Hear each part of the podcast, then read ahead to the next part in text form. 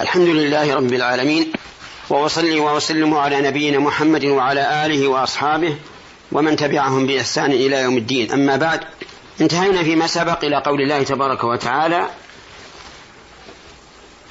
ها أنتم هؤلاء حاججتم فيما لكم به علم. والخطاب لليهود والنصارى وها للتنبيه والمحاجة المجادلة والمخاصمة. لأن كل واحد من المتخاصمين يريد أن تكون حجة له على صاحبه. محاجة اليهود في عيسى ومحاجة النصارى في عيسى. فاليهود قالوا إنه دعي وابن بغي واعتدوا على عليه حسب اعتقادهم فقتلوه وقالوا إنا قتلنا المسيح عيسى بن مريم رسول الله وقالوا إنا قتلنا المسيح عيسى بن مريم رسول الله يعني يعنون رسول الله. النصارى بالعكس جادلوا. وقالوا إن المسيح ابن الله أو أنه ثالث ثلاثة مع الله. فغلوا في الإفراط وجادلوا. هذه المجادلة في أمر كان لهم فيه علم ولكنهم لم يسيروا ولكنهم لم يسيروا على العلم الذي كان عندهم.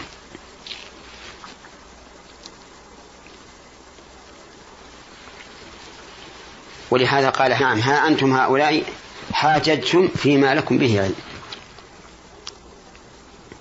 فلم تحاجون فيما ليس لكم به علم؟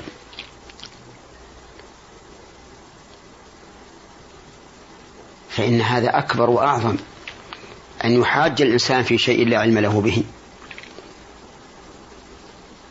وذلك في قولهم إن إبراهيم كان نصرانيا. واليهود قالوا كان يهوديا. وهذا جهل فاضح. ليس فيه علم بوجه من الوجوه. والإنكار عليهم في الحالين. في مجادلتهم بعلم وفي مجادلتهم بغير علم. والثاني أعظم. فلم تحاجون فيما ليس لكم به علم. والله يعلم وأنتم لا تعلمون. وقد بين لكم حقيقة الأمر. ولكن العناد والحمية والعصبية أوجبت لهؤلاء المحاجة. في هذه الآية الكريمة الإنكار على المحاجة بالباطل.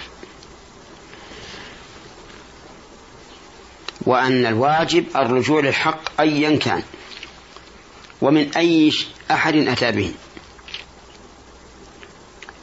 ومنها الإنكار الأشد على من حاج بغير علم.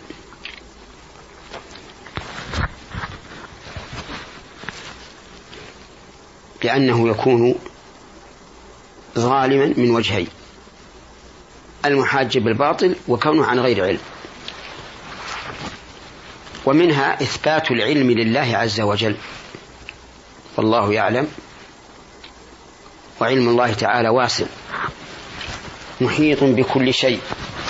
جملة وتفصيلا. في الماضي والحاضر والمستقبل. قال الله تبارك وتعالى لتعلموا أن الله على كل شيء قدير وأن الله قد أحاط بكل شيء علما.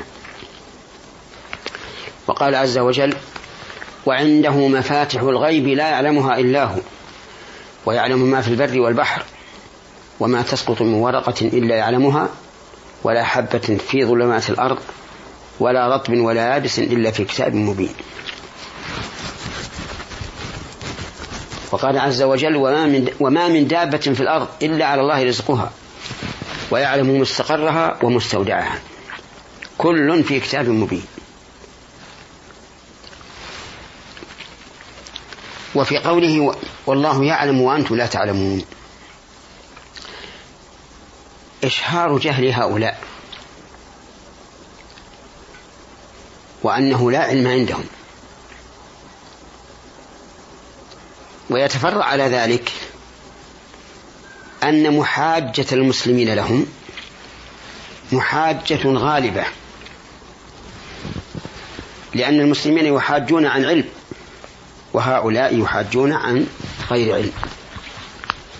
وما أفظع هزيمة من يحاج بغير علم وما أقربها.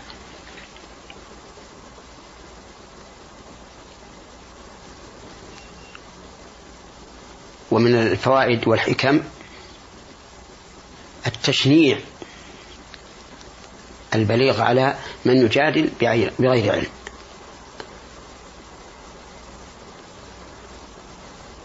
كما قال الله عز وجل ومن الناس من يجادل في الله بغير علم ولا هدى ولا كتاب منير ثاني عطفه ليضل عن سبيل الله. له في الدنيا خزي ونذيقه يوم القيامة, يوم القيامة عذاب الحريق. ذلك بما قدمت يداك. وأن الله ليس بظلام للعبيد.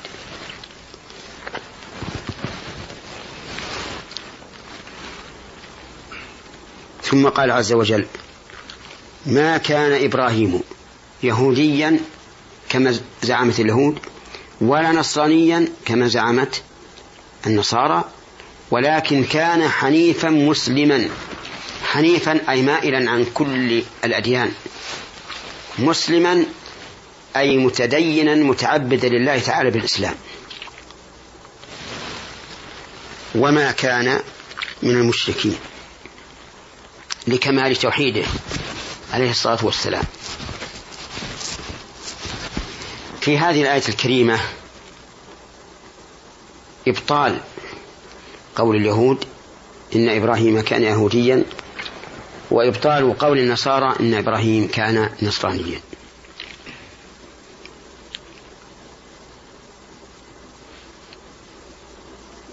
وفيها أيضا براءة إبراهيم عليه الصلاة والسلام من دين اليهودية والنصرانية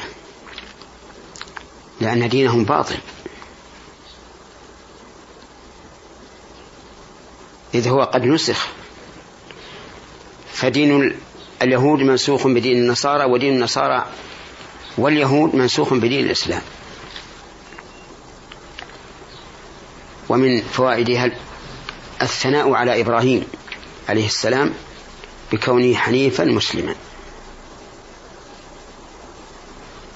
وقد آمر الله تبارك وتعالى بل أوحى إلى نبيه صلى الله عليه وعلى آله وسلم أن يتبع ملة إبراهيم. فقال ثم أوحينا إليك أن اتبع ملة إبراهيم حنيفا وما كان من المشركين. ومن فوائد الآية الإشارة إلى فضيلة هذه الأمة. وأنها هي المتبعة لإبراهيم حقيقة. في قوله ولكن كان حنيفا مسلما.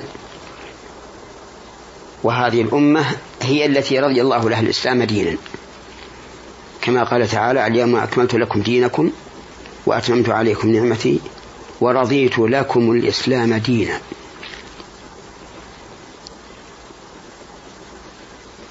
فالحمد لله على نعمته وتوفيقه. ونسأل الله تبارك وتعالى أن يتوفانا وإخواننا على الإسلام وأن يلحقنا بالصالحين. إنه جواد كريم وإلى حلقة قادمة إن شاء الله. والسلام عليكم ورحمة الله وبركاته.